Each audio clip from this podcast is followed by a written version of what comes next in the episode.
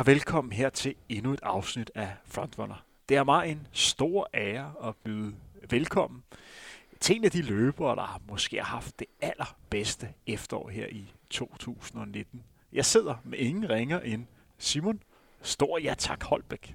Velkommen til, Simon. Tak for det, Henrik. Det var jo sådan, at du for lidt over en uge siden satte en ny, flot personrekord på maraton. Løb imponerende tid, 2 timer, 17 minutter og 32 sekunder ved Frankfurt Marathon. Og det var en måned efter, at du blev dansk mester på selv samme distance. Korrekt. Det er en regnbådsdag i, i Odense, og det kom 14 dage efter, du har sat personlig rekord på, på halvmarathon-distancen. Har du fået armene ned? De er øh, på vej ned igen, ja. Men det har været, det har været et par gode uger. Hvis vi sådan isolerer de, de sådan tre øh, begivenheder, og så først tager udgangspunkt i, at du første gang kom på, på præmieskammen i forbindelse med de danske mesterskaber på, på halvmarathon. Du var jo tæt på Abdi og Thijs øh, ved, ved den lejlighed. Og så blev du dansk mester på, på maratondistancen. Det er altid specielt første gang, du blev dansk mester. Så nu løb du så den her flotte tid på maraton. Hvad for en af de her tre ting har faktisk været den største ting for dig? Det tror jeg har været, eller det har været Frankfurt Marathon. Fordi tiden der, den, øh, den synes jeg klart slår de to andre løb. Også større end at blive dansk mester. Ja, det vil, jeg- det vil jeg sige. Hvad er det, der er specielt med at ramme en, en, en god tid? Og det er en god tid. Jamen, jeg tror, for hele det der løb, synes jeg bare, det flaskede sig. Altså, det handler om at tage en masse rigtige beslutninger, og i løbet af lidt over to timer, der kan man virkelig nå at tage mange dårlige beslutninger, specielt øh, mod slutningen af løbet, hvor man bliver mere og mere træt. Men jeg, jeg synes, jeg fik taget de rigtige beslutninger, og havde, havde god ben den dag. Hvad var det, der gjorde, at du løb 2.17? Du har jo lidt nævnt det her. Men var der, hvornår var det undervejs, du tænkte, den sidder der i dag? Altså, det var først, det jeg kom under de to 18, det, det tror jeg først, jeg så ved 40 km, da jeg overhalede den hurtigste kvinde, og den hurtigste kvinde har en bil, som kører foran hende og skriver projected time, altså hvad er hendes forventede sluttid. Og der kunne jeg se, at den stod på 2.17.48. Og jeg vidste godt, at jeg havde noget mere momentum end hende, så jeg vidste, hvis jeg bare nogenlunde holdt pace, så ville jeg komme under de her 2.18. Så det var først der, at det sådan rigtig gik op for mig, at her kommer jeg under 2.18. Øh, og hvornår jeg egentlig mærkede, at jeg havde rigtig gode ben, det følte jeg, jeg havde fra kilometer 0 til kilometer 25, og så fik jeg dårlige ben fra 25 til, til kilometer 32, hvor jeg lå i en gruppe sammen med Andreas Lommer hele vejen indtil da. Og vi lå og prøvede at presse pacerne til at løbe lidt hurtigere. Andreas han læser foran de her pacer, og jeg prøvede næsten at sige, Andreas, skal vi ikke, skal vi ikke lige lægge os bag de her pacer? De ligger lige et par meter bag os, og Andreas han, han havde friske ben og kløede bare på, og jeg tænkte, Nå, det var ender med, at han sætter mig, så jeg må bare hænge på her. Og så tror jeg først ved kilometer 35, at der havde jeg egentlig overvejet, om jeg skulle slippe Andreas og bare lade ham løbe der. Og så var det ligesom om, at det vendte. Øh, jeg fik en, en flaske og tænkte, det er det sidste energi, jeg skal bruge her. Tog den sidste energi, og Andreas han, øh, han røg af der. Og sagde, du skal bare løbe. Og det var ligesom sådan et eller andet kickstart for mig. Jeg tænkte, nå, nu skal jeg bare ud og, nu skal jeg ud og jage. Altså, han havde det åbenbart hårdere end mig, og jeg tænkte, jeg har det virkelig hårdt. Og det var på en eller anden måde sådan en, ja, det var kickstarten. Men øh, hvis du lukker øjnene og tænker tilbage på én bestemt begivenhed ved det løb, hvad er det så, du husker bedst? Det var der ved kilometer 35, Det er der, vi hvor, hvor, øh, hvor sådan, der fik jeg virkelig skruet tempoet op, og du siger jo tit, at når man kigger sig tilbage, så, så, så, er, det, så er det et dårligt tegn, og jeg kiggede mig ikke tilbage fra kilometer 35. Det vi skal snakke om i dag, det er, at vi skal se lidt tilbage på din fantastiske maratonløb. Vi er kommet lidt ind på det, den her 2 timer og 17 minutter og 32 sekunder tid, som du løb i, i Frankfurt. Vi skal også snakke lidt om, om, hvordan du har gjort dig klar til at løbe maraton fire uger efter, at du blev dansmester på maraton. Det hører altså til sjældenhed, at man er i stand til at kunne løbe to maratonløb på så højt niveau med så kort tid øh, imellem. Derudover skal vi følge lidt op på den udsendelse, vi to lavede i juni måned, dagen før der var Royal Run, hvor du satte personrekord på 10 km. Langt de fleste, der hører den udsendelse, ved, at du har en hverdag, som er, som er presset. Du arbejder øh, som forsker. Er det korrekt? På, på Novo Nordisk? Du har Jeg arbejder i Novo Nordisk. Du arbejder i Novo Ja. Nordisk og har en Ph.D. i, i fysik. Ja. Hvis vi får tid til det, så har jeg faktisk også forberedt en lille quiz i forhold til fysik. Ja, nogle gode spørgsmål. Ja, det lyder spændende. så lad os se, vi kommer ind. Bor på, bor på Østerbro med din øh, lille pige og din, øh, og din kone. Og er 34? 33. 33. Tæt på. Men øh, vi skal lige, øh, en ting, som vi også lige skal have, have fokus på, det er, at hvis vi kigger igen på den her Frankfurt-løb, det er jo sådan, at du slutter jo rigtig, rigtig hurtigt af. Jeg var ikke så super overrasket over, at du løb så stærkt ved den lejlighed. Men jeg var ekstremt overrasket over, at du kunne slutte af mellem 35 til 30 og, øh, og løbe omkring 6, eller du løb på 16 minutter, 3.12 i snit, og endda løb endnu hurtigere de sidste, øh, de sidste øh, omkring 2 km. Hvad var det, der, øh, der gjorde det? Var det simpelthen det der moment, som du beskrev for Jamen, jeg tror, det var det moment, og øh, jeg begyndte at være mindre bange for, at jeg ville kigge på det tidspunkt, fordi indtil 35, der havde jeg virkelig forsøgt at låde en masse energi. Og jeg lå sådan tit, altså jeg lå og delte de her flasker sammen med Andreas, for det var rigtig svært at få fat i sin personlige væske, men jeg havde tæppet et stort Dannebro-flag på alle mine flasker, så hver gang vi kom til et, øh, et væskedepot, så hævde jeg fat i det, og det så ret patriotisk ud at løbe, at løbe med sådan et øh, Dannebro-flag. Men vi delte den her flaske og virkelig bare forsøgt at få så meget energi ind som muligt. Og det betyder også, at jeg sådan tit lå på sådan et niveau, og tænkte, nu har jeg fået for meget, nu har jeg fået for meget, og nu begynder der at komme et eller andet lille, lille sidesting, men hvis den energi, jeg får sådan ved 15-20 km, det er den energi, jeg skal leve af sidst på løbet. Så da jeg først kommer op til de 35, så vidste jeg, at nu har jeg egentlig haft nok energi. Nu skal jeg ikke tage mere energi. Jeg kommer ikke til at gå ned på energien. Så hvis mine ben egentlig er gode, så er der ikke så, er der ikke så meget frygte mere. Nu, nu skal jeg ikke frygte, at jeg går ned. Jeg har jo beskrevet ruten i, i Frankfurt som 42 km i sådan industrihelvede, og så 100, 195 meter fest. Hvordan oplevede du ruten? Ja, ja, du havde godt hørt, at det var kedeligt, og jeg havde kigget på ruten, og kunne se, at der er 10 km ind i byen, og så løber man 10 km vest, laver et par krøller og løber 10 km øst igen, kommer ind i byen og slår et par knuder der. Ja, bare det, du har 8 km fra motorvej. Ja. Altså, det er, så, så piker den. Hvad synes du om ruten? Jeg, ærligt, jeg lagde ikke mærke til noget som helst. Jeg ikke engang længere mærke til, at vi løb forbi vores uh, hotel, der hvor boede. Jeg lagde mærke til ingenting. Jeg vidste bare, at da vi løb ud, så var det modvind. Så derfor var det bare at holde sig til de pacer, der nu engang var. Og så tænkte jeg, så, så er det så er der en god mulighed for at kunne løbe progressivt hjem. Altså, havde det nu været det omvendte scenarie, så havde det været noget sværere i hvert fald. Hvis vi spoler sådan lidt tilbage, og så tager udgangspunkt i den udsendelse, vi to lavede i, i juli måned. Som sagt, dagen før du satte en flot personrekord ved danske 10 km mesterskaber, som blev afholdt i forbindelse med, med Royal Run. Er der ting i din arbejdssituation, som har ændret sig siden juli måned? Nej, det er der ikke. Altså, jeg har kørt med det samme træningssetup og arbejdssetup det sidste halvandet år. Så der er ikke ændret noget som helst? Nej, det er der ikke. Er der ting under, øh, under i den her sommerperiode, øh, som du alligevel vil fremhæve, øh, fremhæve, som har været, hvad kan man sige, øh, banebåden i forhold til dine gode resultater? Nogle ting, der har, har gjort, at, at det er det lykkes? Altså, det har haft øh, virkelig god kontinuitet. Jeg har ikke øh, været skadet. Jeg tror, at sidst jeg har haft mere end en-to dages pause, det har været i februar måned. Så det er en virkelig stor faktor, at efter Royal Run, der har jeg kunne ligge på den mængde, som jeg gerne har ville. Hvis vi sådan kigger lidt frem, og sådan første gang, du sådan rigtig kunne løbe med øh, de bedste løber.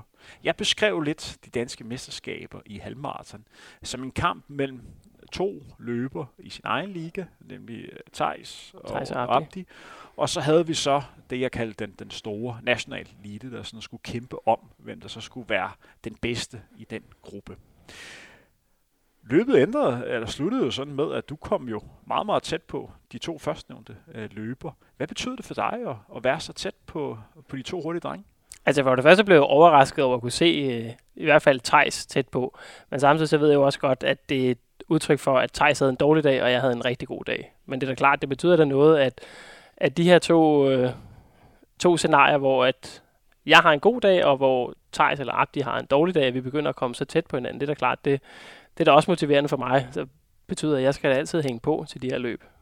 Men løbet gjorde jo, at du til det danske mesterskab på maraton mødte vel op som favoritten? Det vil jeg mene. Hvad betyder det for dig at møde op som favoritten? Det havde jeg det, det, havde jeg det ganske fint med. Så det var ikke noget, du tænkte sådan ekstra meget over? Nej, nej, det gør jeg ikke. Hvis vi sådan snakker lidt videre om, om det her løb i, i Odense, det var et løb, hvor at den værste, eller de to værste konkurrenter var hedderkronet Jesper Favreskov, en, en løber, som, som jeg har løbet mod i mange år, og en løber, som du også på et tidspunkt postet en i en løber, som altid får medaljer med de Jamen, altså, det med, med, med Jesper Fagerskov, det er jo, altså, der, der er to medaljer at kæmpe om til et DM, ikke? fordi Jesper Fagerskov, han skal nok tage den sidste. Men hvad var, hvad var tankerne øh, omkring det her løb her? Hvad var din, øh, din taktik? Altså, du min... vidste jo også på det her tidspunkt, at øh, Frankfurt fjord, eller en måned senere var i spil. Altså, jeg havde planlagt, at jeg ville løbe Frankfurt, men jeg var også klar på at aflyse Frankfurt, hvis jeg ikke kom godt ud af hos Andersen. Jeg vidste, jeg vidste, at jeg fra foråret kunne løbe en hurtig tier, tre uger efter jeg havde løbet Københavns Marathon. Så jeg vidste, at det egentlig var muligt, men, men at skulle løbe den firedobbelte distance, det vidste jeg ikke helt, hvordan kroppen ville Og hvad vil det sige at komme godt ud af en maraton? Jamen, det vil sige, at jeg mentalt i hovedet godt kan overskue at løbe 42 km, og at jeg øvrigt har friske ben, at jeg sagtens kan ligge og løbe noget 5 og 10 km fart, uden at jeg føler mig helt vildt træt bagefter. Det var et løb, der udviklede sig sådan, at dig og Meo og Jesper Favreskov øh, lå samlet ind til hvad? 425? Ja, jeg tror 7-28 km. Altså min, min taktik, eller min plan, det var egentlig bare at, eller mit, mit håb, det var, at jeg kunne vinde selvfølgelig, men bruge så få kræfter som overhovedet muligt. Så derfor var jeg jo nok ham, der lurpassede allermest. Jeg havde ikke travlt med at skulle løbe en hurtig tid til hos Andersen, så jeg lagde mig bagved. Men alligevel, Meo fulgte jo med ja. rigtig langt. Det var jo først hen ved hvad? 4-35 km? Jeg tror, det var 30 km. 30 km. Og hvornår kunne du fornemme, at det her var dagen, hvor du skulle blive dansmester for første gang? Øh, jamen, det tror jeg sådan 5 km før. Jeg kunne, ikke, øh, jeg kunne ikke se Martin, men det var fordi, man overhaler dem, der har løbet 10 km og halvmarathon. Så jeg kunne ikke se, om der var nogen bagved. Jeg anede faktisk ikke, hvor langt Martin han var bagefter. Men jeg vidste godt, at det tempo, jeg løb, så skulle han, øh, så skulle han også have en rigtig god dag, hvis jeg først kunne sætte ham, og han bagefter skulle komme op. Og det kan, det kan jeg bekræfte. Jeg var speaker ved den lejlighed, og man så dig kigge usædvanligt mange gange tilbage. men det var også umuligt at se, om der var nogen. det var, det var meget, meget svært, men du lignede en løber, der løb rigtig stærkt ved, ved den lejlighed. Og du kom i mål og, og vandt dit første danske mesterskab øh, på maraton i en tid på 2 timer og 20 minutter. Hvordan var det at løbe ind på Odense Atletikstadion og, og vide, at lige om lidt er man dansk mester? Det var en ret vild fornemmelse. Jeg kunne godt mærke, at jeg fik gåshed, og bare se. For det første, der var mange flere tilskuere, end jeg havde forventet, og det var en virkelig fed opløbsstrækning. Altså man kommer ind på det her, til dem, der ikke har løbet, øh, i Odense, så er, kommer man ind på stadion og har cirka de sidste 300 meter, og man løber på langsiden og kan se alle de her tilskuere, der sidder på tribunen, og man kan høre speakerne, og det var, det var en virkelig, virkelig fed oplevelse. Og så kom du ind over øh, målstregen. Hvad tænkte du der? Jeg tænkte, jeg har, nu har jeg opnået noget, som jeg virkelig har drømt om i lang tid. Altså nu har jeg efterhånden løbet i, i, i syv år. Og tanken var fjern for mig i starten om at skulle kunne blande mig helt op i toppen her i den, i den danske elite. Og at det så lige pludselig lykkes, det var, det var en ret stor forløsning for mig, og også sådan en... Ja, jeg blev, øh, jeg blev rørt der, da jeg kom i mål over det lykkedes. Jeg må personligt også indrømme, at øh, jeg blev sgu også rørt, da jeg interviewede dig øh, kort efter, øh, du kom, øh, kom i mål. Jeg blev sgu glad for dine vegne. Man kunne, øh, ja, jeg blev, øh, jeg blev sgu rørt af det. Nå, det, var, ikke. det, var en, øh, det var en stor dag. Men efterfølgende valgte du jo at løbe Frankfurt Marathon. Det må da godt nok have været svært, hvordan man skulle bygge, øh, bygge træning op, var det ikke? Mm, jo, det har jo selvfølgelig ikke noget, jeg har prøvet før. Men jeg vil sige, det der gav mig at løbe hos Andersen Marathon og den her halvmarathon inden da, det var, at jeg havde en ret stor tro på mig selv i forhold til, hvad jeg så ville kunne i Frankfurt. Fordi efter at have løbet hos Andersen, så var jeg i mit hoved, så var jeg under 22. Øh, jeg var selvfølgelig cirka 30 sekunder fra til selve løbet, men den måde, det blev løbet på, og under de omstændigheder, så gjorde det, at jeg i mit hoved slet ikke var i tvivl om, at jeg var klar til at løbe 22. Og jeg var egentlig også i mit hoved helt overbevist om, at jeg ville løbe under 2.19, hvis det var.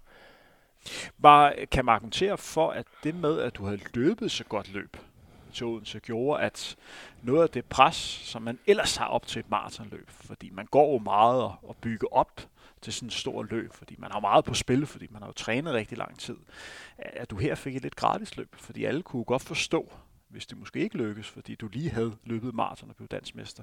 Er det på den måde tog lidt af pressen af? Ja, det, har, det havde jeg faktisk slet ikke tænkt over.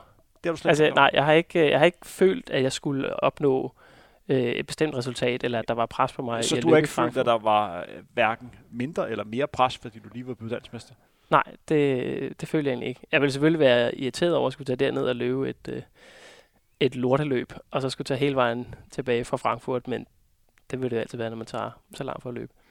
Hvad med rent sådan, øh, kilometermæssigt i den periode? Hvad kom du op og, og løb? Jeg løb 90 ugen efter Frankfurt, nej, 90 ugen efter hos Andersen. Hvor det, det var også en del. Ja, det var en del. Jeg holdt to dages uh, helt pause. Uh, og så begyndte jeg bare at jogge de første par dage, og så køre op til lidt, uh, lidt langsommere en uh, maratonfart. Og så havde jeg to uger bagefter med sådan en 140-130 km, hvor det var business as usual, altså hvor jeg lavede de samme intervaller, uh, havde den samme fart og friskhed i benene, og så en uge igen uh, med nedtrapning hvor jeg havde, tror jeg, 60-70 øh, indløbet. Og dagen før tager du så ned til, ned til Frankfurt. Kan du huske den fornemmelse, du tog ned til den, den tyske storby med? Jamen, jeg følte mig, jeg, jeg følte mig klar. Altså, jeg havde, jeg havde en god fornemmelse. Som sagt, så tror jeg, det betød meget, at jeg havde løbet det her løb øh, hos Andersen. Det var sådan et... Øh, det gav mig et virkelig en stor tro på, at jeg var egentlig et stykke under det, som jeg havde løbet. Altså, at jeg havde løbet det på den måde, øh, løbet det så progressivt, det gjorde, at jeg tror, jeg løb 69 på den sidste halvdel. Så det betød, at jeg tænkte, det må være min, halv, det må være min maratonfart, det her, i hvert fald. Det vi skal have fokus på nu her, det er jo, at nu står du lidt på det, som jeg kalder en, en skillevej. Fordi du har opnået en to store ting. Du har vundet 22 på, på maraton, og der er massivt under. Du blev dansmester øh, på, øh, på maraton. Du må også gå med en tanke, der hedder, hvor hurtigt kunne jeg løbe, hvis jeg arbejdede lidt mindre? Det er klart. Det jeg vil gerne vil hen af, det er, hvad er det næste skridt for dig? Er det at jagte Abdi og Tejs, som lige nu nok er de hurtigste herhjemme på, på maratondistancen? Øh, de er, vil jeg sige. De er de hurtigste på, på maratondistancen. At jeg ser, om man kan gøre den due til en, til en trive, eller vil du positionere dig endnu mere som, lad os sige, Københavns bedste øh, langdistanceløber? Hvad er dine overvejelser? Kan du tage os lidt med, hvad der sådan er, er fordelen ved den ene, og sådan ulemper ved den anden? Altså, jeg tror ikke, at jeg øh, vil prøve at positionere mig som en, en af Københavns hurtigste løber. Jeg tror jo mere, at jeg bare vil have fokus på de her tider, og altså Abdi og Thijs, det er jo mere inspiration for mig, end det er nogen, som jeg jagter pt. Øh, jeg vil jo sige, jeg har jo nu, nu begynder jeg sådan også at kigge på ranglisten, tænke tilbage på dengang jeg startede, hvor blandt andet, jeg kan huske, at vi trænede i klub sammen med dig og Lars Budolfsen, hvor jeg kan huske de tider, som I løb, det var for mig fuldstændig uopnåeligt. Og lige pludselig kan jeg jo godt se, at hvis jeg, hvis jeg holder ved her, og har noget god træning det næste år eller to, så er det ikke så uopnåeligt mere, som jeg troede, det ville være. Men hvad, hvad er drømmescenarien? Altså, jeg vil jo virkelig gerne ud til et, internationalt mesterskab nu. Ud og kæmpe for, for Danmark. En rød trøje. Og hvad tror du, der skal, skal til for at komme derned? Altså lige nu kan jeg jo se, at på halvmarathon, så kræver det at løbe under 1.04. Og det er for mig ikke muligt, i hvert fald det næste års tid. Hvis vi går ind og, og, og kigger på, på den situation, som du, du står nu i, øh, nemlig at du har fuldtidsarbejde og øh, familiefar, kan du forstå dem, der sådan siger, får Simon nok ud af sit talent? Vil han ikke kunne endnu bedre, hvis han øh, ikke, jeg snakker ikke om, man skal droppe sit barn eller sådan noget, men måske køre arbejdsmæssigt lidt ned for at se, om man kunne hente lidt på restaurationen og måske træne lidt mere? Jo, og det har jeg. Det er der selvfølgelig også nogle tanker, jeg går med selv, og i forhold til løb kan jeg da også nogle gange ærge mig over, at jeg først startede som 26-27-årig, at jeg ikke startede som mange af de andre i ja, 17-18-årige eller i starten af 20'erne til, hvad kunne det så ikke have blevet til? Hvis du går ind og kigger på dig selv øh, som løber, og nu vil jeg gerne bringe to andre øh, løbere i spil, og så vil jeg gerne have, at du sådan lidt sammenligner dig, hvem du minder mest om. Den ene løber, som jeg bringer i spil, det er en, som vi har snakket om, du har lige konkurreret med ham, nemlig Jesper Favsgaard. Det her er ikke personligt rettet mod Jesper Favsgaard, fordi jeg kan faktisk rigtig godt lide Jesper. Han er fandme en sej gut. Hvis der er en, der har domineret dansk løb de sidste mange år, så er det så Jesper Favsgaard. Hørt. Men han er ikke det største talent. Han skulle ikke. Det er en mand, der har arbejdet røven ud af bukserne for at få noget derhen. Og det er virkelig en, som er ude at træne på de mest onde tidspunkter. Og en ting er sikkert, Jesper han får lavet det, der skal til. Så det er, det er slideren.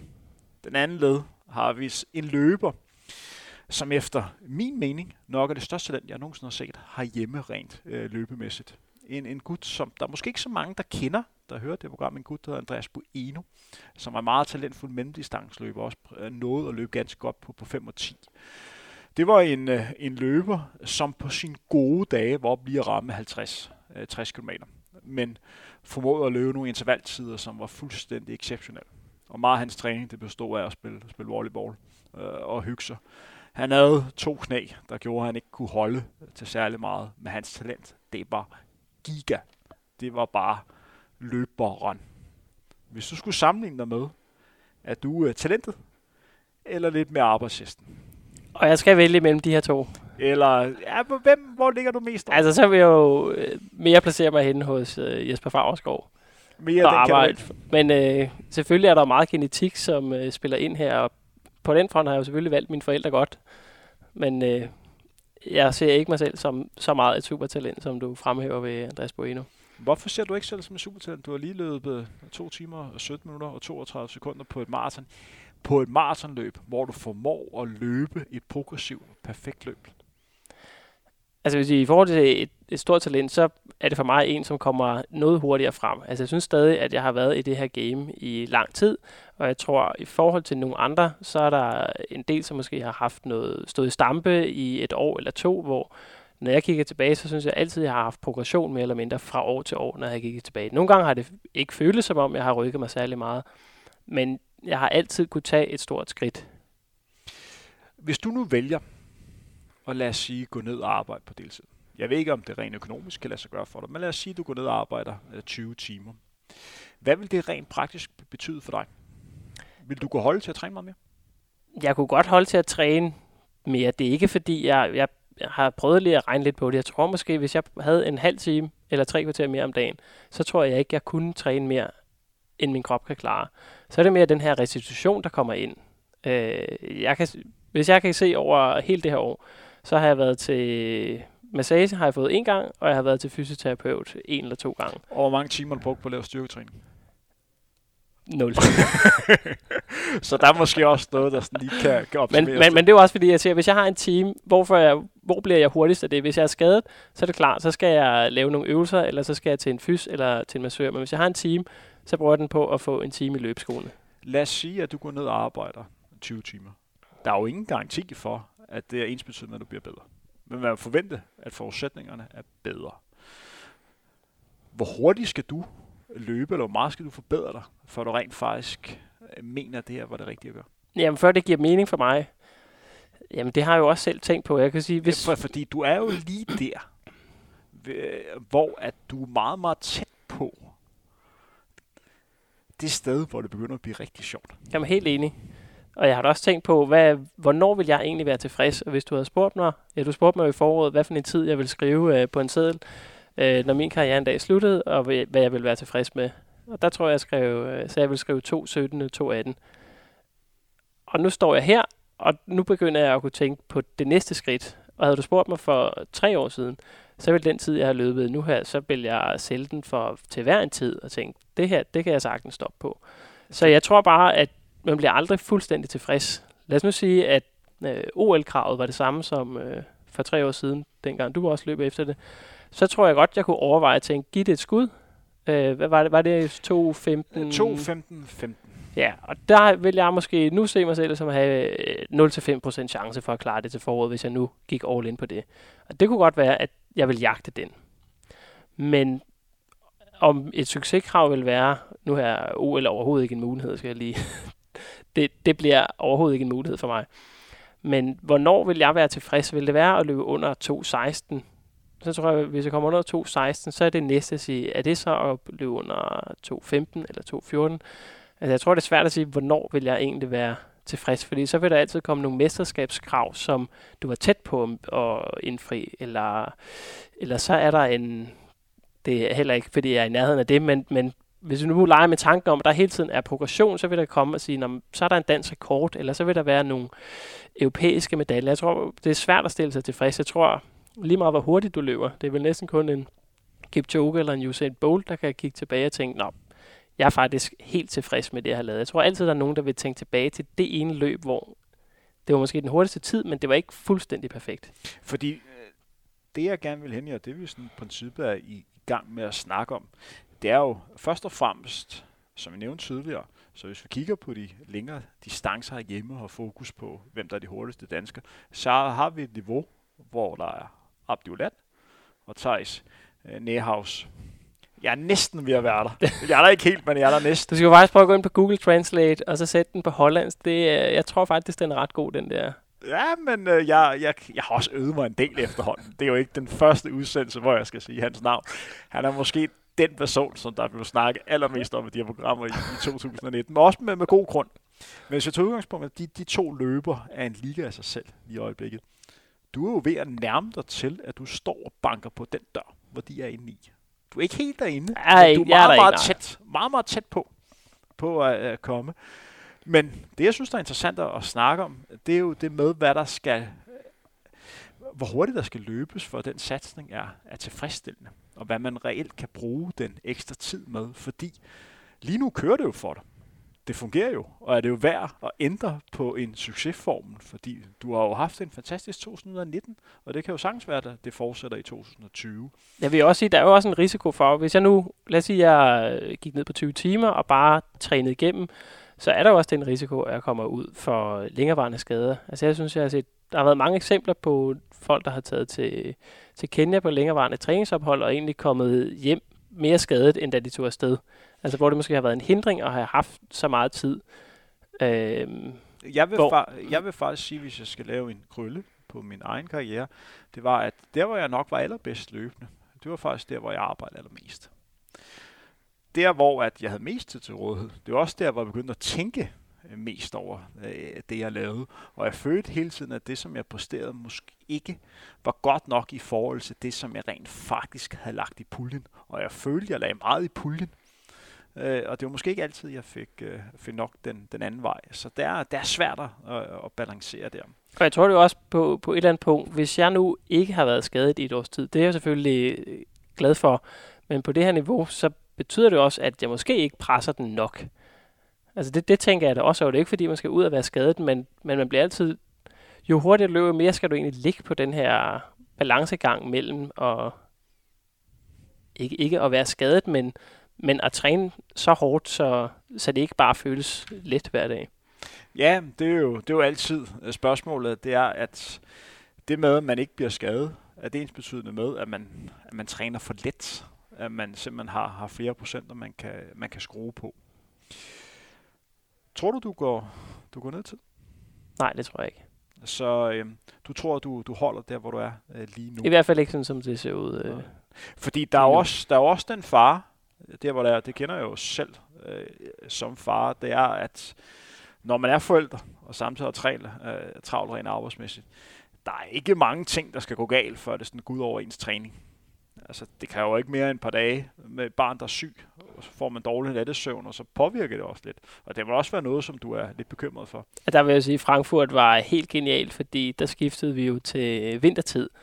Så altså udover at få en hel nat i en seng øh, og kunne sove uforstyrret, så fik jeg plus en time. Jeg, jeg tror, jeg fik ni timer. Det kan jeg ikke huske, hvornår sidst jeg vågnede af et vækkeur.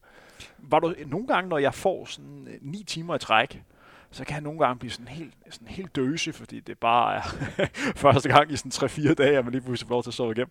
Hvordan havde du efter, du så Ej, jeg vågnede op og tænkte, det her, det, det bliver en god dag. Det var sådan den første fornemmelse, Ja, da, det var da det. du vågnede. En ting, vi også lige skal, skal snakke om, der er jo ikke nogen hemmelighed, at, øh, at du løber maraton i den her Vaporfly-sko, og endda den her Next-model. Der har jo været meget snak om, om der er en fordel at løbe den her sko. Det er jo videnskabeligt vist, at man løber stærkere i den her sko. Men hvad er dine erfaringer med det? Løber man bedre ind? altså mentalt, så løber jeg i hvert fald bedre. Jeg ved ikke, om den giver noget. Det tror jeg, jeg tror, den giver noget. Men altså, jeg prøver at lave sådan et setup, hvor at sko og tøj, det bliver sådan et mindset for mig. Sådan, nu er det konkurrence. Så jeg, jeg har løbet i den her Vaporfly max en til to gange inden de her konkurrencer, her jeg har haft i efteråret. Og der har jeg forsøgt at lave sådan et, øh, hvad kan du sige, et selvtillidspas. Et pas, hvor jeg tænker, at nu prøver jeg at bare skrue den op på noget, som jeg ikke har løbet før. Altså jeg kigger tilbage på, hvad løb jeg for et halvt år siden inden Københavns øh, maraton, se hvad for nogle træningspas jeg har lavet der, og så prøve at tage et af de her træningspas, og så bare skrue ekstra meget på. Og så komme ud af det, og forhåbentlig kunne løbe øh, markant hurtigere, end jeg ellers har gjort, og så vide, det her, nu er jeg klar. Og så pakke de her sko væk, og så i mit hoved øh, næsten tænke, det her, det er også skoenes skyld. Så når jeg tager de her sko op, og når jeg tager singlet på og split shorts, så er det fordi, jeg skal ud og løbe hurtigt. Hvad hvis det pas gik dårligt? Kunne du så finde på at tage det igen? Så vil jeg løbe et andet. Så vil du løbe et andet pas? Ja. I den her, i den her maratonperiode, jeg havde det sådan, at i en lang træningsperiode, at der var sådan en pas, jeg sådan huskede ekstra godt. Pas, hvor man øh, virkelig følte sig nærmest uafvendig. Det er jo sådan, når man træner meget, så er det ikke givet, at man får det der, man kalder runners high. Fordi man simpelthen har løbet så meget. Udover det pas, det der sensitive pas, kan du huske tilbage på nogle dage, hvor det hele gik op i en høj enhed? Øh, nej, jeg tror, det var de her pas, altså, fordi i, i, den, i langt de fleste kilometer, hvor jeg løber, så kan jeg ikke mærke, om jeg er på vej frem eller tilbage. Altså, jeg har en idé om, at det går godt, men at, at jogge øh, frem og tilbage på arbejde, det giver ikke mig en indikation på, om, om jeg er i min, mit livs form. Det er de her pas, hvor at tænke, nu prøver jeg lige at optimere det, nu tager jeg mig lige god tid til det her, ikke noget stress, og så løber jeg et hurtigt pas. Hvis vi kigger lidt frem imod øh, 2020-sæsonen. Du har jo to gange præsteret at blive bedste dansker til Telenor Copenhagen Marathon. Skal lave hat der? Der er jo lige pludselig kommet noget mere på spil. Der er kommet lidt i puljen til hurtigste dansker. Jamen, det er DM nu. Det må man sige, men går du den retning i, i 2020? Altså, jeg har klart overvejet at løbe København. Jeg synes, det, jeg synes, det er et af de bedste løb, fordi der bare er så stor opbakning hele vejen rundt i byen. Helt præcis, hvad jeg kommer til at løbe, det ved jeg ikke til næste år. Hvad er det, der kommer til at afgøre det? Det er, om der er nogle mesterskaber, som jeg kan kvalificere mig til. Og de mesterskaber, som er aktuelle for dig, altså drømmescenariet er selvfølgelig OL, men der kan vi hurtigt blive Men den har jeg, at, at der det, jeg det, kræver en usædvanlig god dag. Men så er der jo verdensmesterskabet på, på halvmarathon, og der er også Europamesterskabet på, på halvmarathon. Verdensmesterskabet mener i slutningen af marts, og Europamesterskabet, det er slut marts, ja. Europamesterskabet det bliver afviklet efter OL, øh, så, så det er i slut august, start september. Jeg tror det midten af august. Midten af august, så, så lige efter, efter OL. Og det kan jo sagtens være interessant, at man sender et, et dansk hold af, af sted. Det er jo sådan, øh, Simon, at vi har fået rigtig, rigtig mange spørgsmål fra vores lyttere der rigtig gerne vil lære dig bedre at kende. Du har jo fulgt lidt med på øh, de sociale ja, medier. det har været øh, Har det ikke været dejligt? Jo, det har været sjovt at se. Det er jo sådan, at du har været gæst herinde to gange, og du er særklasse den, der har fået flest spørgsmål. Der må være stor interesse omkring dig. Eller også så svarer jeg bare ikke ordentligt på spørgsmål. Hvordan har du med, at folk siger op til dig? det kommer jo på, på nogle punkter, så kommer det jo bag på mig, at øh, når folk skriver, at det er inspirerende, det jeg har lavet, men samtidig synes jeg også, det er virkelig privilegeret. Så det kan jeg jo kun være glad for, at jeg kan give min glæde til sporten videre til andre. Tror du ikke, at du på mange måder måske er, er lidt mere menneskelig? Fordi øh, der er jo mange, der er fædre, der er virkelig unikke på det område. Der er også mange, der arbejder, øh, arbejder fuldtid. Der er ikke så mange, der løber stærkt på maraton og har den, den kombi med at være fædre og have fuldtidsarbejde. Men tror ikke, det hele gør, at folk måske lidt bedre kan sætte sig ind i din situation? Jeg kunne forestille mig, at det er nemmere at identificere sig med, med min hverdag øh, og den måde at skulle træne på, og prøve at, prøve at lade vide, at det ikke er, er løbet, der er i centrum for familien og ens hverdag. Hvor for mig, så handler det mere om at få mit løb passet ind, end at få familien passet ind i mit løb, og min hverdag passet ind i løbet. Fordi hvis vi kort får definitionen op på, hvad for nogle ting, der, der er vigtigst for dig. Vi er jo vel enige om, at familien er det vigtigste. Det er vi. Hvad er to og tre? Det er løb og arbejde. Så løber nummer to? Ja. Hører din chef med her? Det gør han ikke. skal, vi gå, skal vi gå videre til spørgsmålene? Det kan vi godt. Vi har jo som sagt fået rigtig, rigtig mange gode spørgsmål. Var var nogle spørgsmål, som du frygtede, der ville komme? Nej, ikke frygtede nogen. Men jeg, jeg det plejer ikke at være sådan en rigtig hard talk med dig. Nej, det kan godt være, at vi sådan skal have, have lidt, mere, lidt mere fokus på det. men øh, lad os... Altså nu har du jo nævnt den her fysikquiz. Nu begynder jeg til gengæld at blive lidt nervøs. Men jeg, jeg, tror, vi får, jeg tror, vi får tid til den her fysikquiz. Men lad os gå i gang med, med spørgsmålene. Vi kommer også til at læse øh, navn op på den, der har stillet spørgsmålene. Øh, nogle af dem har vi været lidt inde på, og der er også andre, vi vil gå lidt, lidt over, fordi der er ingen grund til, at vi sidder og bruger tid på noget af det, som vi snakker om ved sidste udsendelse. Og det vi meget snakker om ved sidste udsendelse, det var, hvordan du, hvordan du trænede, og hvordan du fik dagligdagen til at, til at fungere. Der vil vi hellere anbefale, at folk går tilbage og hører den udsendelse, i stedet for at vi snakker om det en gang til. Vi skal jo ikke trætte øh, vores lytter med at sige det samme to gange. Vi har alligevel været lidt inde på det her. Henrik Dahl, han spørger, hvor tæt på OL-kravet på de 2.11.30 tror du kan komme, hvis du sætter alt på et bræt, og eksempelvis tager overlov for job i 3-4 måneder i foråret, og dermed går fuldtidsløb en periode? Jeg ved ikke, hvor tæt jeg kunne komme, men så er det mere, hvor meget bedre jeg kunne blive, hvis jeg gjorde det. Det er, jo, det er jo svært at sige, om det Tror du, er... du kan, du kan klappe uh, Thijs op i, i, i nummeren ved 38? Og så Nej, det tror øh, jeg ikke. Så, Så er- sige, uh, vi ses i mål, drenge. så er det, fordi de har løbet langsomt. Jeg ved ikke, om det er, om man kunne hente måske 30 sekunder. Det synes jeg, det, det er svært at sige. Ved at gå all in på det her løb. Og sige et halvt års fokuseret, om jeg kunne løbe 30, ikke, ikke 30 sekunder i forhold til, hvad jeg har nu, men 30 sekunder i forhold til det setup, jeg ellers vil have. Der findes jo også en, øh, en hæderkrone løber, som har en personrekord på 2 med 2 timer 15 minutter og 54 sekunder. Det var måske også en tid, man kunne kigge lidt efter. Jeg nævner ikke, hvem det er. Det må, det må jeg se på. hvem det er. lad, os, øh, lad os gå lidt videre til det næste spørgsmål. Det er en person, du, du kender godt. Asser Vitrup øh, Nielsen. En god mand. God mand. Perfekt mand, hvis du spørger mig. Han spørger, og øh, det bliver måske en lille smule interessant her. Der er jo rygter om, at Simon spillede på et fodboldhold, hvor de i forbindelse med udekampen ringede til lokale pizzerier og bestilte pizza efter rygnummer.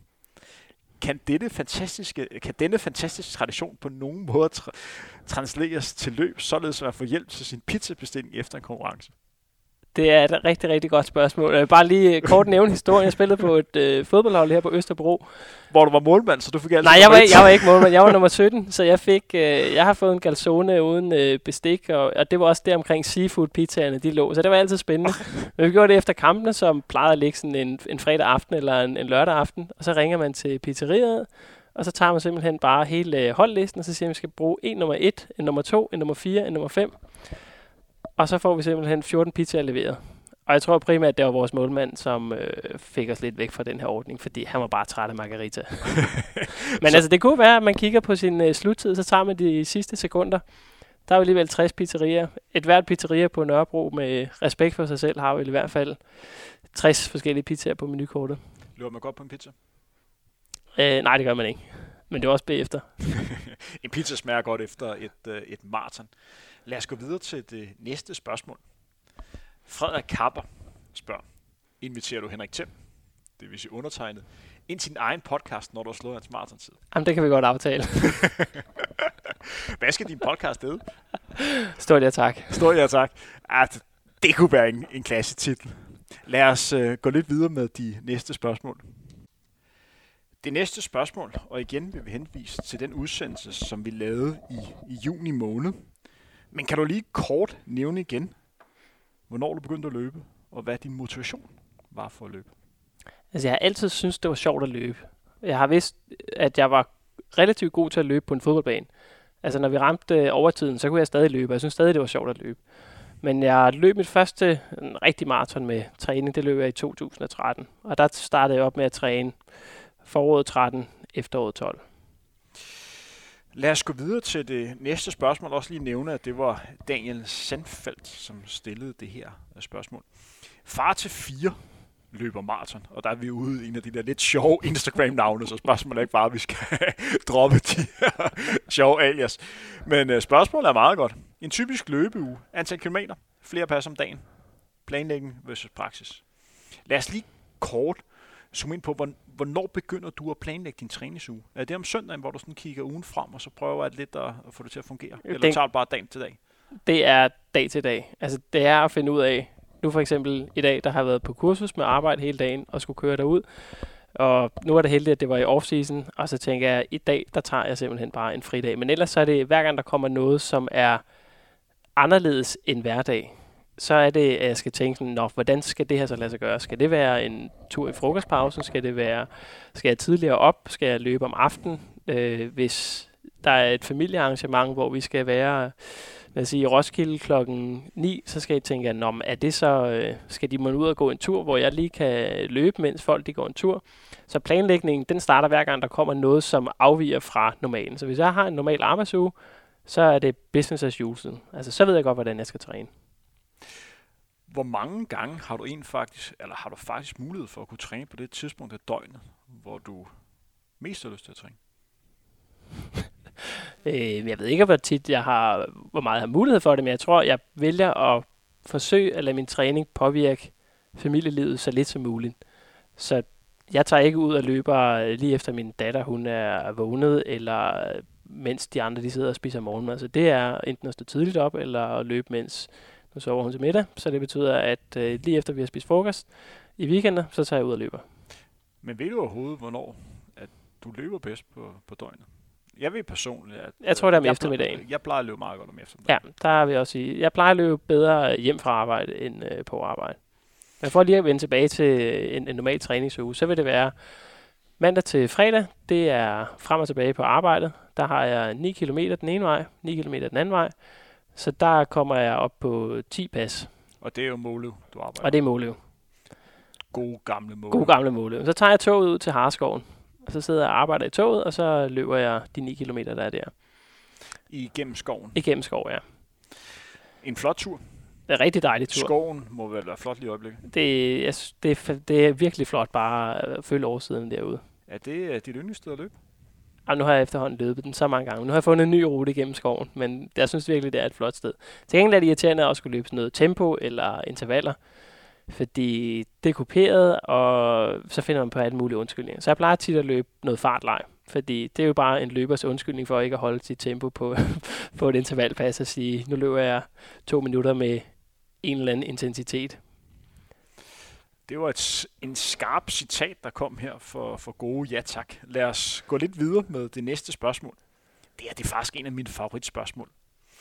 Hvad er lians i løbesport? Hvad er lians?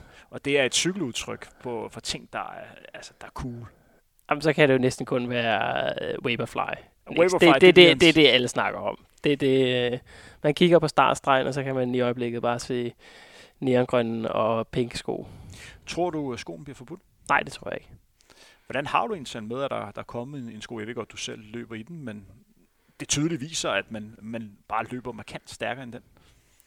Altså, det, jeg vil sige, det værste det er, hvis man begynder at, ikke at kunne sammenligne de tider, der bliver løbet nu, med tider, som man løb.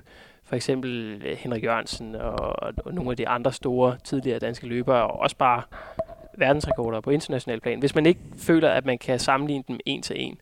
Men samtidig så kan man jo også bare kigge tilbage på udviklingen og se, at det er jo en anden track, der bliver løbet på, end man gjorde i 50'erne, og før det, så løb man på grusbaner med helt flade sko, og lige pludselig kom Adidas og havde lavet spikes på deres sko. Så der er jo hele tiden kommet et eller andet, som har gjort, at du løber hurtigere. Så er der kommet noget væske, og så er der kommet øh, energiindtag øh, på ruten. Altså der, der kommer jo hele tiden nogle små ting, som gør, at forholdene bliver en lille smule bedre. Men når vi kigger tilbage om tre år, tror du så, at det er det startskud på en ny epoke? Eller tror du, man tænker tilbage på øh, noget, der, der stak lidt ud? Nej, jeg tror, at det, det er en starten på en ny epoke, og jeg tror bare, at det finder et naturligt leje, og på et tidspunkt, så, så snakker man ikke mere om, at den her sko, den er speciel. Jeg tror ikke, at du vil gå ind og forbyde den, fordi jeg har indtryk af, at det vil blive svært, sådan teknologisk kapløb, hvis du siger, du, kan ikke, du vil forbyde måske carbonplader i sko, jamen så finder du bare på et andet materiale, som har lidt den samme egenskab som en carbonplade, og så skal du ind og, og forbyde øh, mængden af et eller andet, og så går du ind og finder noget øh, nanofiber, som kan... Altså, jeg tror bare, at teknologien, du vil hele tiden finde en måde at omgås de her regler på, så du kan lige så godt bare sige, giv løbet frit. Altså, du må ikke bruge en motor, altså du må ikke øh, få ekstra energi ud af det her. Og jeg kan lige nævne, at jeg kommer til at lave en udsendelse til, der bliver den mest nørdede udsendelse, der nogensinde på dansk jord er lavet om den her Vaporfly-sko. Jeg kommer til, simpelthen til at snakke den sønder sammen. Og det bliver det sidste, jeg kommer til at snakke om Vaporfly, fordi jeg er godt nok træt af den. Så kommer Alphafly, ikke? Så kommer Alphafly. Men jeg giver den det, det fortjener nemlig en stor debat, og så bliver den sko lukket i med et brag. Lad os uh, gå lidt videre til det næste spørgsmål. Vi har faktisk rigtig, rigtig mange gode spørgsmål. Nu skal vi snakke lidt om dit morgenmåltid, før du løber maraton? Ja, det kom i fokus. Det kom lidt i fokus igen. Det var jo faktisk Anders Rømer, der. Ja. lige pludselig i en frontrunner-udsendelse, lige pludselig sagde til mig, Henrik, hvorfor spurgte du ikke lidt ind til stor ja tak og hans morgenmadsindtag? Kan det virkelig passe, at han ikke spiser mere, før han skulle løbe maraton? Det var en deciliter havgryn, du spiste på den lejlighed. Det er korrekt. Hvad er vi oppe på nu? Vi har triplet. Vi har Plus, triplet. plus smidt lidt, øh, lidt hvid, hvidt brød og en, og en banan oveni. Kan du mærke forskel? Jeg synes jo, det er gået bedre siden. Jeg har også takket Anders øh, efterfølgende og, og Thomas Elers for lige at, at skubbe til mig og, t- og tage en, en god snak med mig og sige, det er ikke i orden. Du skal spise noget mere. Lad os øh, gå lidt videre til næste spørgsmål. Hvad bliver din karrieres bedste maratontid, og hvornår kommer den? Det kunne godt være i slut 20, 21. Og hvis den hedder noget med 2, 14, 15 stykker, så vil jeg nu være glad. Kommer det næste spørgsmål. En person, som du mener, du er meget inspireret, eller meget inspirerende, og synes, det er spændende, og hvordan du takler livet som eliteløber og far. Hun vil rigtig gerne høre om, om hvordan, hvordan det er at være så meget væk fra familien. Jeg synes jo som sagt, jeg prøver at være så lidt væk fra familien som muligt, og prøver at, at passe det ind. Og, altså nu for eksempel Frankfurt, der tog jeg afsted lørdag eftermiddag og kommer hjem søndag aften. Så jeg, jeg prøver jeg prøver at få det til at fylde så lidt som muligt. Det er klart, hvis det nu var et setup, der ikke passede, og jeg havde løbet et dårligt løb øh, af en eller anden årsag, så vil jeg, da jo, så vil jeg klart overveje det igen. Men det er jo ikke fordi, jeg tager på en lang træningslejr, eller tager væk i flere uger, fordi det kan jeg ikke øh, forsvare over for mig selv over for familien, hvis hele min ferie den blev brugt på at tage på træningslejr alene. Men var det ikke fristende at tage, tage fire uger til Kenya, og så se, hvad du kan få ud af det? Jo, det vil, øh, det vil være en kæmpe oplevelse. Lad os gå lidt videre til, til næste spørgsmål. Træner du efter wattmåler? Og har ændret noget af din træning, frem for kun at træne efter øh, pace og puls? Altså, jeg træner med wattmåler, og jeg synes, det er et rigtig interessant redskab. Jeg synes, det er jo især sjovt at kigge på, når man løber op ad bakke. Altså, og, jeg kunne og, se, og kan du lige beskrive det, så dem, der lytter med, er helt med på, hvad det er? Jamen, wattmåler, det kunne for eksempel være sådan en stride. Det er sådan en lille fodpot, som du sætter, ja, sætter på foden, og som du så forbinder til dit løbeur. Og den øh, livestreamer så din aktuelle watt. Altså ligesom, øh, ligesom en cykelrytter vil have. Det har bare været svært at få det implementeret til noget, som du kunne bruge i løb. Øh, og den måler så din aktuelle watt. Og jeg vil sige, det der er svært for mig i hovedet nu, det er at skulle løbe efter watt i forhold til at løbe efter pace. Hvor jeg tror, at en cykelrytter, der har det efterhånden været så integreret en del af deres træning, at de ved godt, hvad watt betyder, eller watt per kilo betyder. Hvor for mig, så er det stadig svært at omsætte en øh, watt til en pace. Men det er klart, man kunne sagtens løbe efter watt-fordelene ved at skulle løbe efter watt, det vil være, at du kan løbe i kuperet terræn, uden at skulle tage højde for, at når du løber op, så kan du ikke holde dit maraton pace, og når du løber ned ad bakke, så har du tendens til at løbe hurtigere end dit maraton pace. Hvor der kunne du holde en konstant watt. Men i din marathon pace, som er jo 3.15, Ja, øh, det det, er jo, det er jo 2.17.30, hvis man holder det hele vejen. Det mener nok, det, det er der omkring. Hvad har du af, af watt der? Det ved jeg faktisk ikke. Jeg har ikke øh, set på det efterfølgende. Vi går videre til, dit, eller til det næste spørgsmål. Hvor stor en betydning vil Toblerone med saltmadler få for din fremtidige carbonate-strategi foran et maratonløb? Jamen, det, ved, det er jo en ny epoke her. Det var jo et trick, jeg lærte af Brian Arborg. Jeg mødte ham jo i, Som også er kendt under. som peanut butter ministeren, som carbloaderen, ikke? Ham mødte jeg jo i tax-free shoppen i, i Frankfurt, hvor, Hvem kan man ellers møde? hvor han lidt øh, undskyldende næsten sagde, at jeg har lovet at tage Nutella hjem, men han svarede ikke på, om det var til sine børn eller til sig selv. Men øh, han købte to Toblerone for en god pris, og det virker for ham, så jeg købte også to med hjem. Lad os gå videre til det næste spørgsmål, og det er faktisk et rigtig godt spørgsmål, der kommer nu. Eller alle er jo gode, men øh, nu begynder det at blive sådan meget, meget øh, specifikt. Hvordan rammer du optimal pace i et maraton? Tvækker du pace efter hver kilometer? Eller kører du efter, øh, hvad kan man sige, 5 km split? Jeg kører efter 5 km split. Jeg tror, det er lidt for stressende at splitte efter hver kilometer. Men kører du efter stopur, eller kører du efter GPS? Nej, jeg kører efter stopur. Så jeg, på mit ur, så lapper jeg efter hver femte kilometer. Og så ved jeg, nu her for eksempel Frankfurt, så vidste jeg, at jeg gerne ville løbe øh, 3.16. Men jeg vidste også, at jeg indplacerede mig efter nogle pacer, så i princippet var det bare at følge efter, så se, hvor lang tid vi var efter det, jeg havde håbet på at løbe. Men så ved jeg, at kilometer 1, den skal jeg løbe på et eller andet og 16 sekunder, ja 3.16. Kilometer 2 skal jeg ramme på 32 sekunder, og kilometer 3 skal jeg ramme på 48, og så skal jeg bare huske de her fem tal. Øh, og så lapper jeg igen hver femte kilometer. Fordi når man rammer kilometer 30 og 35, så er det virkelig svært at huske øh, skemaet for, hvad skal jeg ramme på kilometer 35. Skal vi gå videre til næste spørgsmål? Kan vi godt? Det er en, der skriver personligt til mig. Hej Henrik. Tak for en fremragende podcast. Uha, jeg kan godt lide dig. Jeg fik øje på det igennem fodboldministeriet, da landsholds Lars fortalte om din tid til DOL. Det var jo sådan, at jeg kom til at løbe to gange til DOL. To ture træk, fordi fodbold Lars, han meldte afbud. Så det gik så ud over mig. skal vi lige høre, hvem fodbold Lars er. Lars Jakobsen, Lars Jakobsen. Lars Jakobsen, som simpelthen øh, meldte afbud på dage før, og så røg jeg så ud på, på to ture træk. Men øh, det gik da. Mit spørgsmål er, hører du musik, når du træner? Og hvis ja, kan du så dele nogle af dine favoritter? Det gør jeg aldrig. Aldrig musik? Nej. Hører du andre ting, når du træner? Nej, det gør jeg ikke. Hvorfor ikke? Jeg gjorde det, jeg gjorde det en gang, og så synes jeg... Jeg tror egentlig... Ja, jeg havde, jeg havde ikke brug for det. Altså, jeg havde også en rigtig dårlig høretelefoner, så de var altid ud, når jeg, når jeg løb. Og så tror jeg, så, så lagde jeg det væk. Og jeg tror, at mange keder sig, når de løber, men det er ikke fordi, jeg bare er kæmpe glad, når jeg er ude at løbe, og, og, og det er derfor, jeg ikke hører musik, men jeg nyder egentlig at, løbe og, og kigge mig omkring, så jeg har ikke brug for noget til at fjerne min, fjerne min øh, tilstedeværelse fra det at løbe.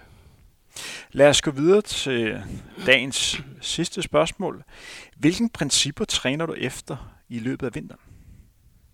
Der træner jeg efter at skulle få så meget mængde som muligt, og måske ikke nødvendigvis lave nogle virkelig hårde pas, men mere sådan lidt, lidt udmagrende. Lidt langsommere end maratontempo og få nogle gode lange ture på det. Hvad er dit bedste råd til, til folk, der kan måske have lidt motivationsproblemer her i, i november måned? Det er jo en hård måned at, at være løber. Det er jo hårdt at komme ud, når det, er, når det er mørkt, og det bliver lidt mere gråt. Hvad er dit bedste råd der? Jeg tror først og fremmest, man skal finde ud af, hvorfor det er, at man har lyst til at løbe. Så hvis det nu er at komme ud og komme i, i form, eller løbe en eller anden bestemt tid, så vil jeg jo foreslå dig at tage ud og løbe sammen med andre for at løbe de her hårde pas. Altså løbe, hvis du skal løbe et interval, eller hvis du skal løbe en langtur, eller hvis du skal løbe tempo. Øh, ja, forsøg så vidt muligt at løbe sammen med andre, hvis, hvis du har svært ved at komme ud, og så løb i dagslys. For guds skyld. det, det er en lang vinter. Ja, det må man, det må man sige. Det er godt nok... Hvis man øh, kan løbe i dagslys, så skal man gøre det. Er der andre gode råd til at holde øh, motivation i løbet af sådan en, øh, en lang vintertræning? Nej, jeg tror, det var det. Det vi faktisk har, har tid til nu her, for jeg lavede en aftale med mig selv, at vi ikke skulle over et time i dag. Vi har tid til lige at lave en lille fysikquiz. Jeg har forberedt nogle spørgsmål. Okay. Du har jo læst øh, fysik på universitetet. Ja, nu frygter jeg, at det bliver sådan et eller andet, er du klogere end en seksårig, eller er du, er du klogere end en 4. klasse i fysik, og så dumper jeg med et brag. Men jeg har min eksamen, så du kan bare. Og du har også en PD i fysik. Det er jeg også. Er du klar til spørgsmålet? Ja, kom. Hvis jeg kl. 12 starter med at flyve, hvor hurtigt og højt skal jeg flyve, for klokken er 12 hele tiden? Hvor hurtigt? Skal vi tage et spørgsmål igen? Ja, prøv lige at komme igen. Vi tager det en gang til. Så stor jeg tak kan være med. Manden med Ph.D. i fysik. Hvis, hvis jeg, det vil sige undertegnet, Henrik, kl. 12 starter med at flyve, hvor hurtigt og højt skal jeg flyve, for klokken er 12 hele tiden? Det kommer an på, hvor på øh, kloden du flyver fra. Lad os sige, du flyver fra, Ah, ja, lad os sige, du flyver fra Danmark, Ja. og klokken er 12. Hvor hurtigt skal man flyve, for, for klokken bliver ved med at være 12? Om du skal jo komme hele vejen rundt om jorden. Det er 40.000 kilometer, og det skal du klare på 24 timer. Øh, ah, nu tager du mig. Skal vi, øh, skal vi 40.000 kilometer per 24 timer. Kan du klare spørgsmålet? Ja. Men øh, så dividerer du så med 24, og så er det det, du skal klare per time? Ja. Ja, ja. Helt tosse var det vel ikke. Lad os, lad os gå lidt videre, så fokus på, øh, på løb. I forhold til, hvad kan man sige, den, den kommende periode, som du kommer ind i øh, nu her. Vi har snakket om det før, i forhold til de valg, som du skal, skal til at tage. Hvad afgør, hvad du kommer til at, øh, hvad for en retning du kommer til at gå? I forhold til, hvad næste, ja, hvad næste step skal være, ja. Jamen altså, som sagt, jeg håber jo virkelig, at, øh, at der er en mulighed for at enten løbe VM-hal eller EM-hal. Men lige nu kræver det en tid under, som det er nu, 1.04. Og det er... Altså, jeg har fulgt med i de her krav i mange år, for jeg tænkte, det var det, som på et tidspunkt kunne være realistisk for mig. Og derfor var det selvfølgelig lidt demotiverende at se, at de her krav, det lige pludselig havde fået øh, et dyk nedad og blevet skærpet med 2-3 minutter. Så hvor man før skulle løbe under 1.06, tror jeg det var, for at komme med til VM, så er det nu at løbe under 1.04. Og det skal lige siges, at der ligger en åben invitation fra det internationale atletikforbund om at sætte et hold med afsted her. Så det havde jeg jo selvfølgelig håbet, at man ville tage imod fra Dansk Atletikforening. Kan du mærke, at der har været større interesse for dig som person, efter du har kommet under 22 og dermed et brag? Nej, det synes jeg ikke. Altså, der har været, selvfølgelig har der været opmærksomhed i forbindelse med, med løbet og præstationen, men efterfølgende, der ikke, det, det har været nogenlunde det Så du kan ikke mærke, at der, der er flere, der tager fat i dig? Eller? Nej. Ja, så, så fuldstændig øh, det samme, som da du løb i, øh, i Odense og i, i København. Altså, der er jo flere, der har set på mit arbejde, at jeg har løbet hos Andersen Marathon, end der har set Frankfurt. Og altså, hvis jeg nu skal rangere de tre løb, lad os sige Frankfurt, hos Andersen og Københavns Marathon, hvis man skal have PR, så er det Københavns Marathon. Uden tvivl. Så kommer hos Andersen, og så kommer et stort løb i udlandet på sidste pladsen. Det er der ingen, der opdager. Hvordan har du egentlig med det? det? Det, det rører mig ikke. Det rører dig slet ikke? Nej. Altså jeg ved, at, øh, at det, dem, som følger med, altså dem, som jeg snakker med til, dag, til, til hverdag om løb, vi holder jo øje med alle. Altså jeg ved jo godt, hvem der løber Amsterdam. Jeg ved godt, hvem der løber Rotterdam. Altså alle i det danske løbemiljø ved jo godt, hvem der løber hvilke løb. Og, og følger op på hinandens præstationer og, og skriver til hinanden, og enten om det er opmuntrende eller, eller lykkeønskninger. Lige nu har vi jo som sagt Thijs Abdi, øh, der ligger på de her tider omkring øh, 2.14. Og så har vi der, der ligger på, på 2.17, og så har vi nogle løber, der ligger omkring 2.20 øh, og derefter. Hvem ser du, der sådan skal, skal tage steppet op til dig, eller øh, forventer du, at, kommer, at du kommer til at ligge der i din, din egen liga? Så om jeg ligger imellem de her... Om du ligger mellem der, er der nogle løber, som er på vej op til dig? Altså, jeg håber, er sådan en som Andreas Lommer, som havde debut i Frankfurt. Og jeg tror jo også, at han ligger til at løbe øh, deromkring, hvor jeg gjorde på de her 2.17 og 2.18. Øh, det er jeg ret sikker på, at han kan. Og Andreas Slommer, der fortjener alt mulig respekt for ikke mindst hans maratontid, men også hans verdenskort på, på babyjogger. Vi har begge to løbet med en babyjogger. Vi har blandt andet løbet, løbet sammen og snakket om den der verdenskort på, på halvmarathon med, med babyjoggeren, at den var, at den var mulig. Øh, måske mere for dig end, end, end for mig. Men øh, nu har han altså løbet 1.08 med, med babyjogger. Det er, en, det er en flot tid. Ja, det er en flot tid. Det må man sige. Al kæmpe respekt for Andreas Slommer. Simon, stor ja tak Holbæk. Vi er ved at være hele vejen igennem. Det er sådan her på, på Frontrunner. Du kender jo princippet. Hvis der er nogle ting, som du brænder ind med, så er der sådan en mulighed for at komme ud med det nu her. Er der nogle ting, du gerne vil sige til, til lytterne? Er der nogle ting inden for fysikken, du gerne vil brillere endnu med? Jamen, jeg vil gerne uh, hjem og læse lidt op på spørgsmålene. Så. Men uh, ellers så vil jeg sige uh, stor tak. fordi du, det var oplagt os. fordi du har lyst til at møde op her. Tak til, til Sparta, fordi vi må bruge deres lokale til at lave den her optagelse. Det er også på sin plads lige at nævne. Også tak til, til jer, som har lyttet med. Håber, I kunne lide øh, denne opt eller udsendelse med, med Simon Holbæk. Held og lykke til dig i øh, de kommende år. Lad os håbe, at det her var, var startskuddet til, til endnu større og, og bedre resultater. Hvis du lige den her udsendelse, så husk at følge Frontrunner på de sociale medier. Husk at abonnere også på vores, uddan- øh, på vores udsendelse, så du sådan løbende kan blive opdateret, når vi har, har nyt øh, til jer. Ha' det godt derude. Vi høres ved. Inge længe.